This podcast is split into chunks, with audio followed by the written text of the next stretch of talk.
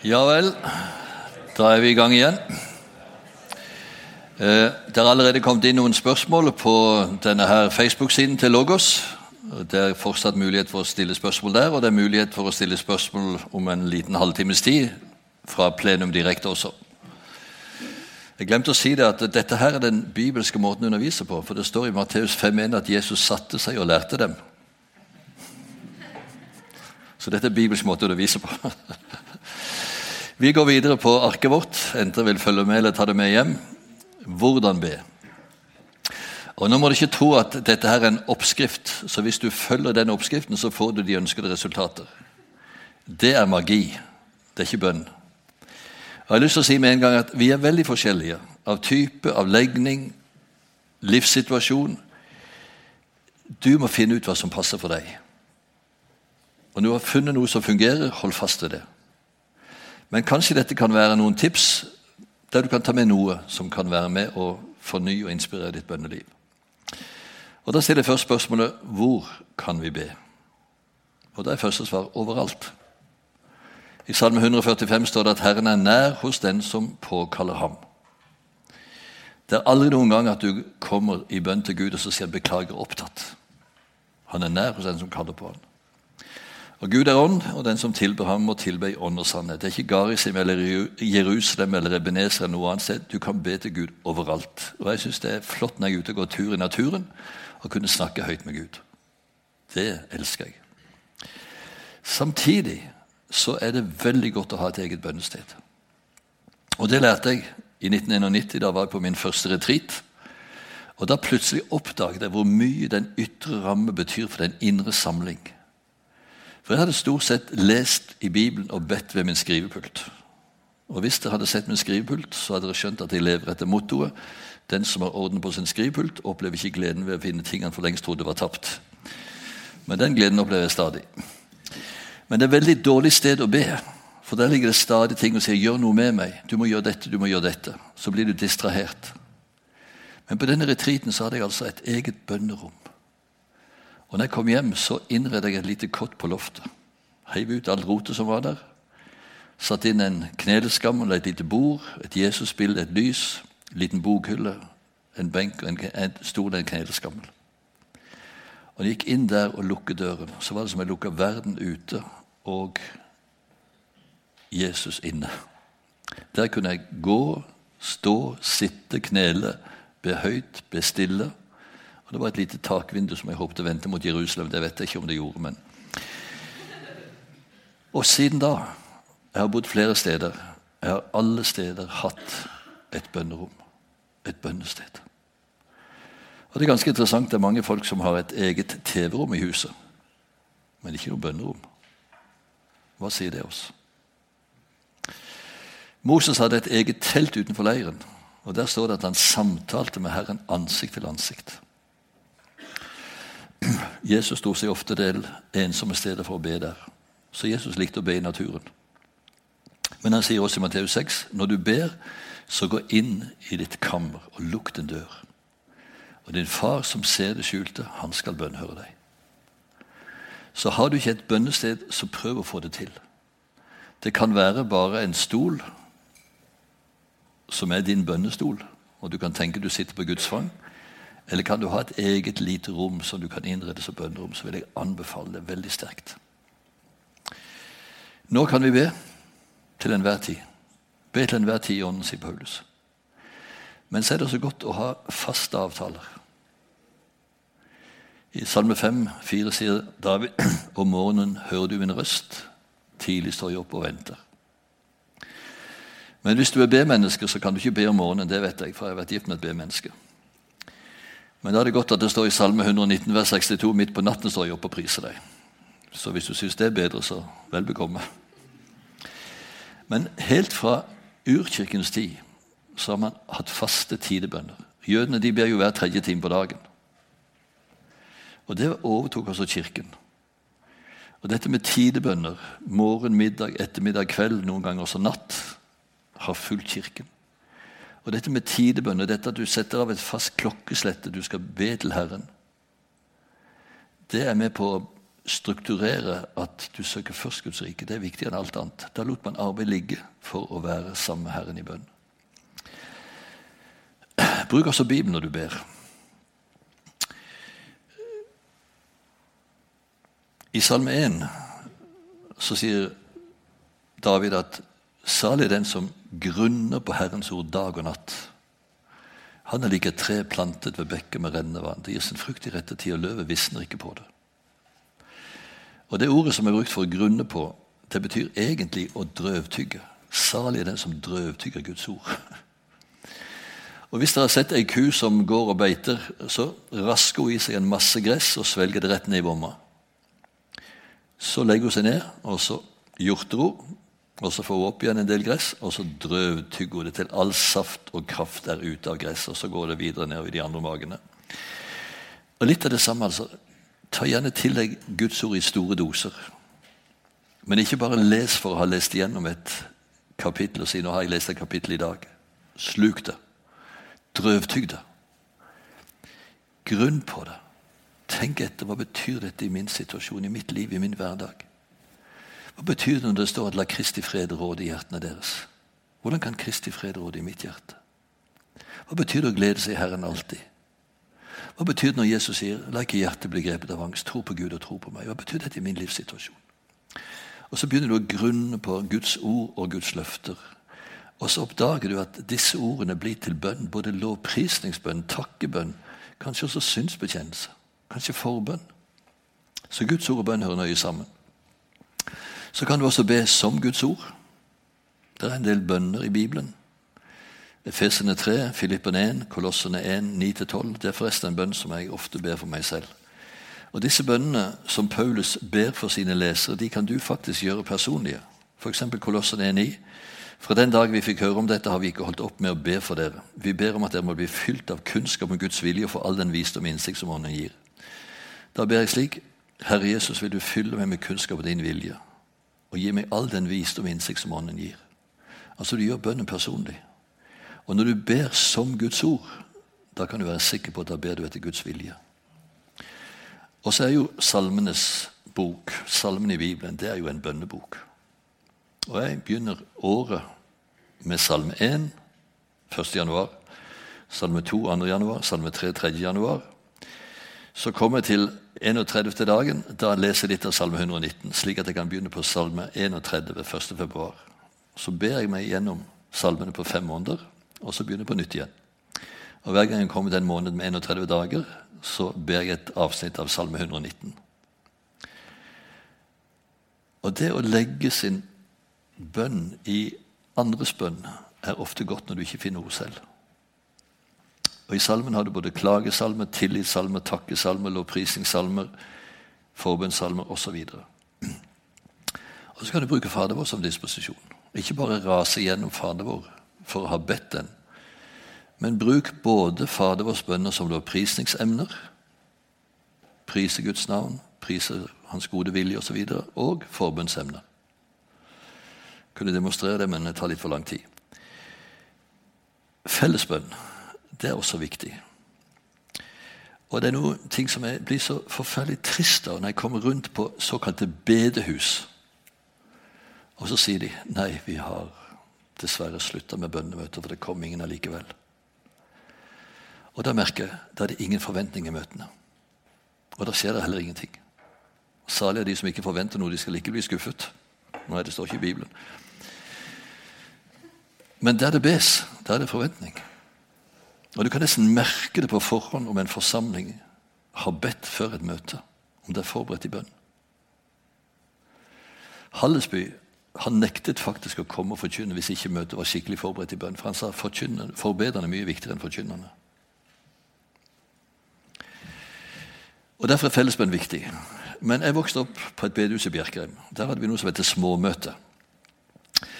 Og Det var bønn- og vitnemøte. Først var det vitnesbyrd, og så var det bønn. Og Da delte man bønneemner. Og Som ung gutt så syntes jeg det var veldig trivelig å være der, for det var en god atmosfære, og det var godt å høre på disse her erfarne kristne som delte både smerte og glede og bønnhørelse. Og Så skulle vi be, og så var det delt bønneemner på forhånd, og alle ba for alt. Som om Gud de skulle ha glemt det. Og så Av en eller annen grunn så havnet jeg alltid sist på rekka. Var som regel et par rekker. Og Da hadde alle bedt om alt, og de hadde bedt lange bønner, og de hadde bedt med kanoneske klisjeer og hebraisk aksent og alt det som hører med. Og stakkars lille meg som fant ikke på noe å be om som ikke allerede var bedt for hundre ganger. Og så kunne jeg ikke be så fint, så jeg åpna aldri munnen. Men så kom jeg på skolelaget på Bryne, på Credo. Og Da var det ei som hadde lest ei bok som heter 'Bønn og samtale med Gud'. Og så sa hun nå skal vi ikke be lange bønner. Nå skal vi kun be én setning hver. Men Du kan be så mange ganger du vil, men bare én setning, ikke mer. Og For første gang i mitt liv så brøt jeg lydmuren og ba én setning. En takkebønn. Og så kjente jeg det var godt. Og så ba jeg en setning til litt seinere. Og så var det på en måte som noe ble forløst. Og Det er utrolig trist å møte eldre kristne som aldri i sitt liv har åpnet sin munn på et felles bønnemøte. Ja, men hører ikke Gud bønner jeg ber stille inni meg? Jo, det gjør han, men jeg hører det ikke. Og det er veldig godt når jeg er sammen med andre kristne både legger mitt ja og ammen i deres bønn, og også blir bedt for. Og Det er også litt fint hvis man er i et møte, og kan man settes i en ring. Og Noen ganger har jeg sagt at kan vi ikke holde hverandre i hendene? Kan du be høyt eller stille, men når du har bedt, så klemmer du i hånda til sidemann. Og da ber de fleste høyt, for de vet nå er det min tur. Hvis du syns det blir litt svett å holde i hånda, så kan du si nå gir jeg penn til deg, nå er det din tur til å be. Kan du be høyt eller stille, men når du har bedt, gi pennen videre. be korte bønner. Snakk norsk. Ikke alle disse kristelige frasene. Jeg har lyst til å be. Be direkte. Jesus, vil du? Takk for. Jeg har lyst til å takke deg for. Ja, så gjør det, da. Ikke begynn med disse kristelige klisjeene. Snakk norsk, slik at folk får frimodighet til å be, de også. Man kan også ha ledet bønn. En som leder, han sier hva skal vi be om nå i kveld? Jo, så noterer han ned. Er det et par som vil be for dette? Er det et par som vil be for dette? Er det noen som vil takke for dette? Men også ta tid til å lytte. Vær stille.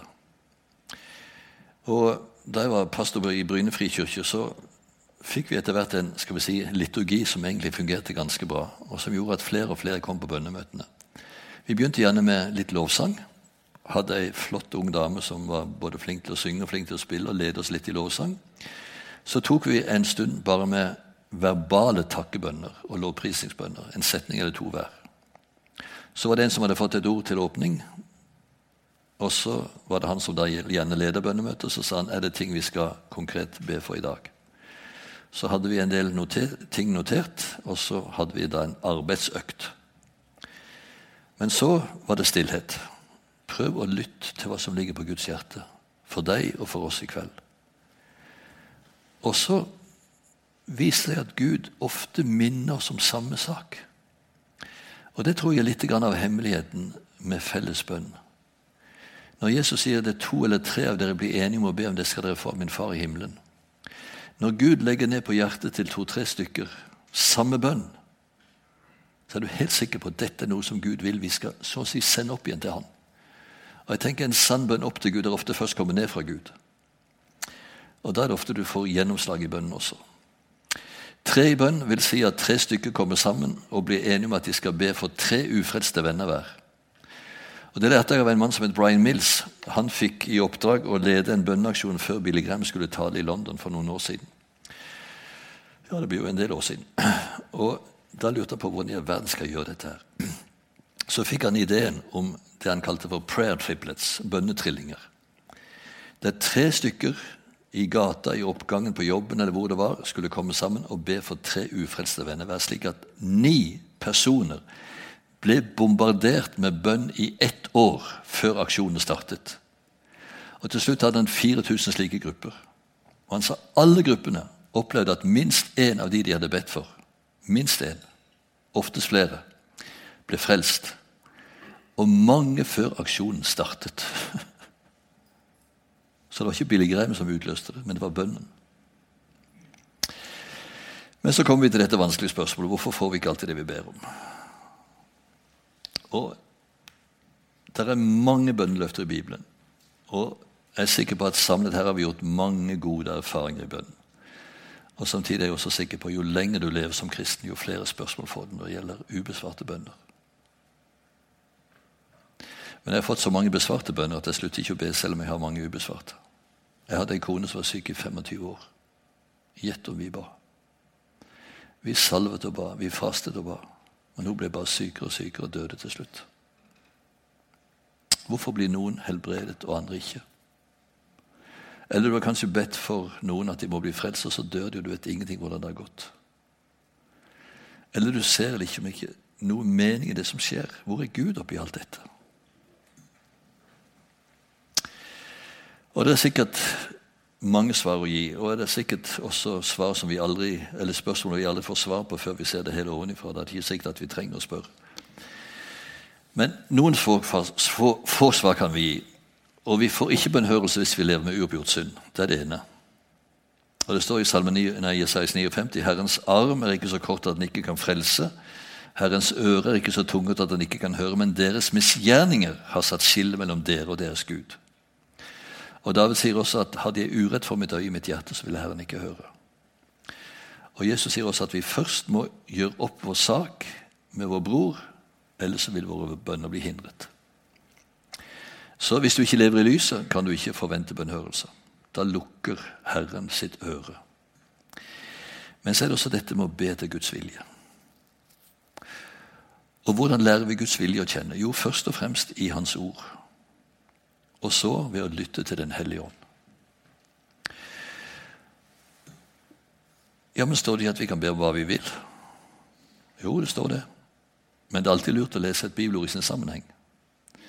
Og Johannes 15, 7 lyder slik.: Dersom dere blir i meg, og min ord blir i dere, da be om hva dere vil, og dere skal få det. Det er noe helt annet. For hvis vi blir i Herrens ord, blir værende, betyr verbet, så vil Herrens ord bli i oss, og da vil vi mer og mer ønske det Gud vil. Og da får vi bønnhørelser.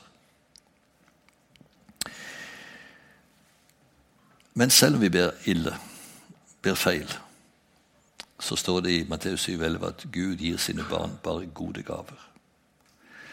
Og noen ganger så kan faktisk et nei også være det beste svaret. Gud sier nei. Paulus slet med en torn i legemet, hva nå det var. Vi hadde forresten en amerikansk pastor på besøk i Frikirken i Kristiansand. Han var en norsk-amerikaner, og han ville gjerne tale på norsk, sa han, for jeg er ganske god i norsk. Og Han hadde valgt av teksten om tornen i kjødet. A thorn in the flesh, som det heter på engelsk. Og begynte med å si vi har alle en tårn i flesket. Vi vet ikke hva den tonen var, men uansett så ba Paulus tre ganger om å få slippe. Men Gud sa nei. Min nåde er nok for deg. Og Begrunnelsen var rett og slett at Paulus ikke skulle bli håndmodig pga. de store åpenbaringer. Men han skulle faktisk holdes i avhengighet av Herren.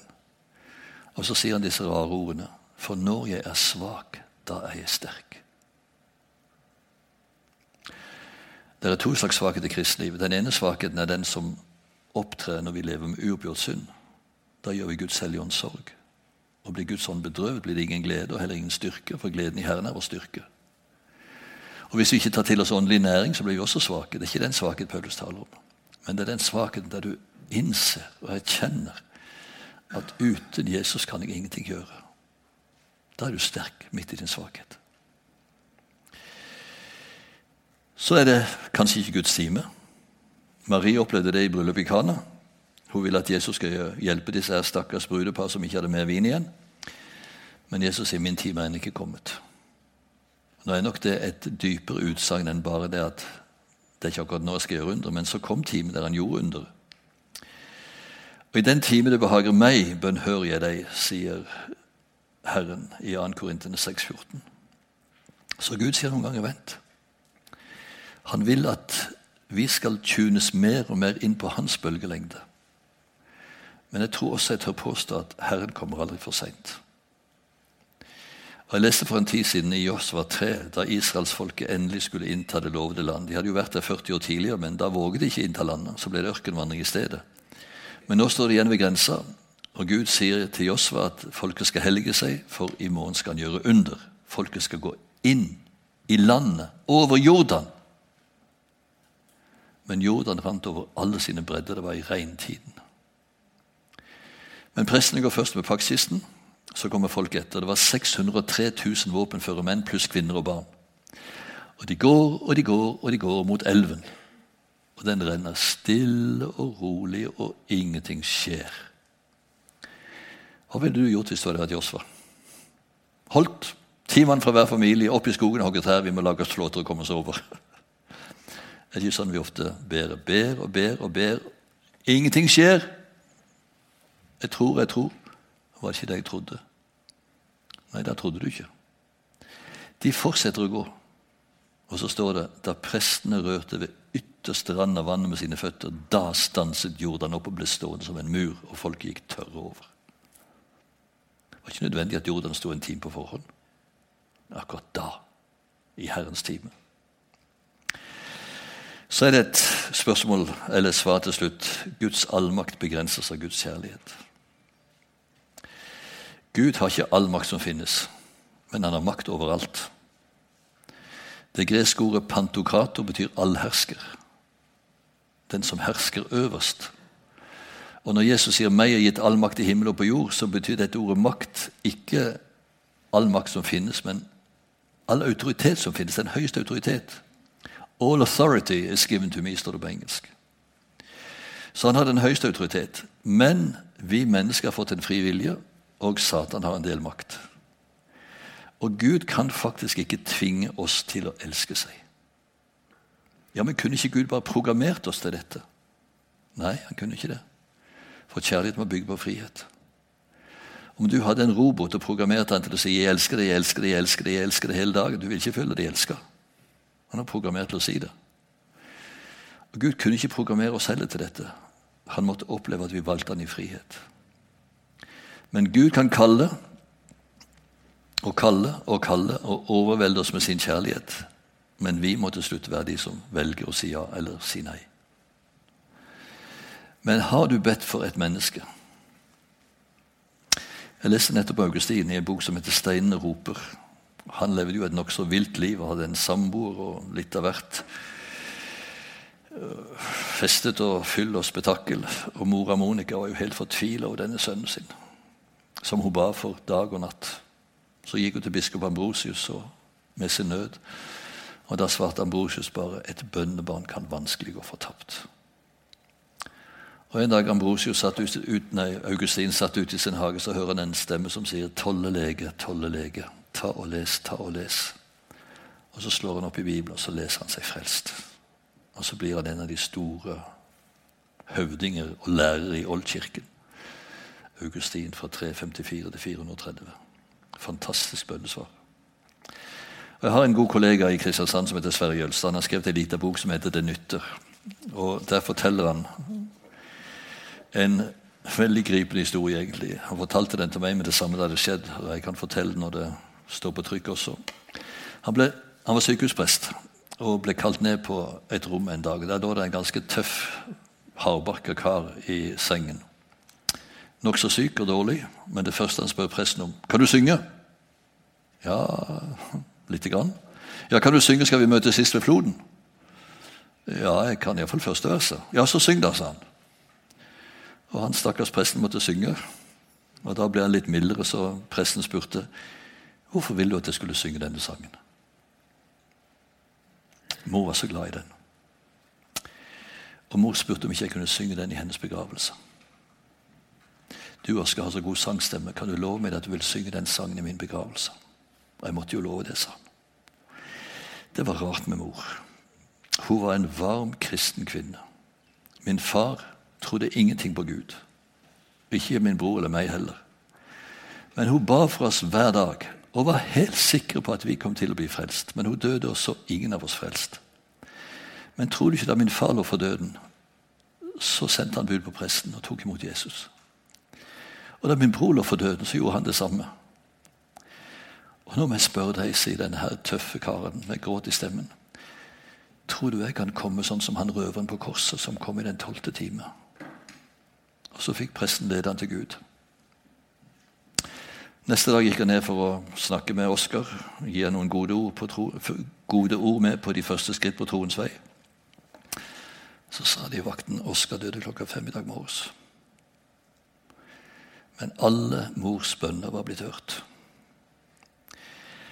Og Da kom jeg til å tenke litt på en opplevelse jeg hadde med doktor Einar Lundby. Jeg vet ikke om dere forbinder noe med det navnet, men Han var en berømt lege og sjelesørger og hadde mange forunderlige bønnhørelser og ledelser.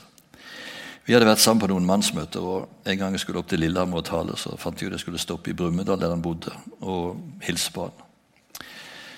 Da var han blitt veldig gammel og skrøpelig, men satte pris på at jeg stakk innom. Og når vi hadde pratet en del, og han satt der i sin rullestol, så sa jeg er det ikke vanskelig for deg, Einar, som har vært så aktiv, reist land og strand rundt og utenlands og forkynt, og her sitter du og har ingenting å gjøre. Har ikke jeg noe å gjøre, sa han. Ja, hva gjør du, sa jeg. Og jeg kunne bitt av meg tunga. Jeg skjønte jo hvor dumt spørsmålet var. Jeg ber, sa han.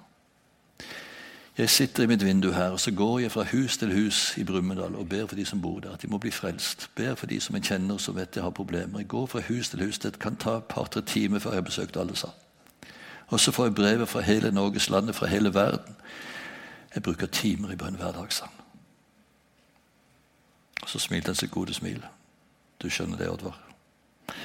Det er med bønner som er langdistanseraketter. Når de først er skutt ut, så fortsetter de å gå selv om rakettbasen blir ødelagt. Og nå er det ikke så lenge før denne basen blir ødelagt. Det kjenner jeg på meg, sa han. Og Derfor gjelder det å sende ut så mange bønneraketter som mulig. Og ingen forsvinner i det tomme rom. De skal falle ned i sin tid. Vær du sikker, Oddvar. Sånn talte en bønnesmann, og ikke lenge etterpå så døde han. Men jeg tror det er mange mange bønnesvar som har blitt innfridd etter dette. La oss be.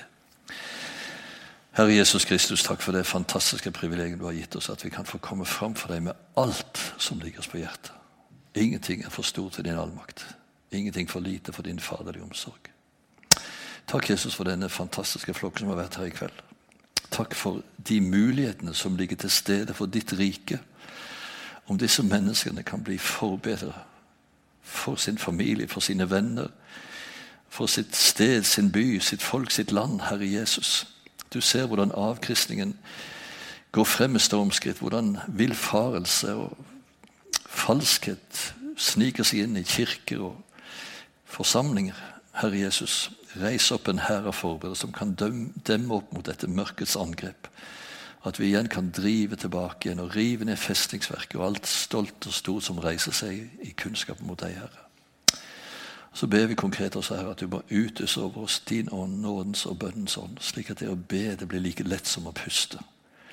Og at vi kan få oppleve her hvordan du leder oss, utruster oss og bruker oss til din ære og til fremme for ditt rike. I Jesu navn. Amen.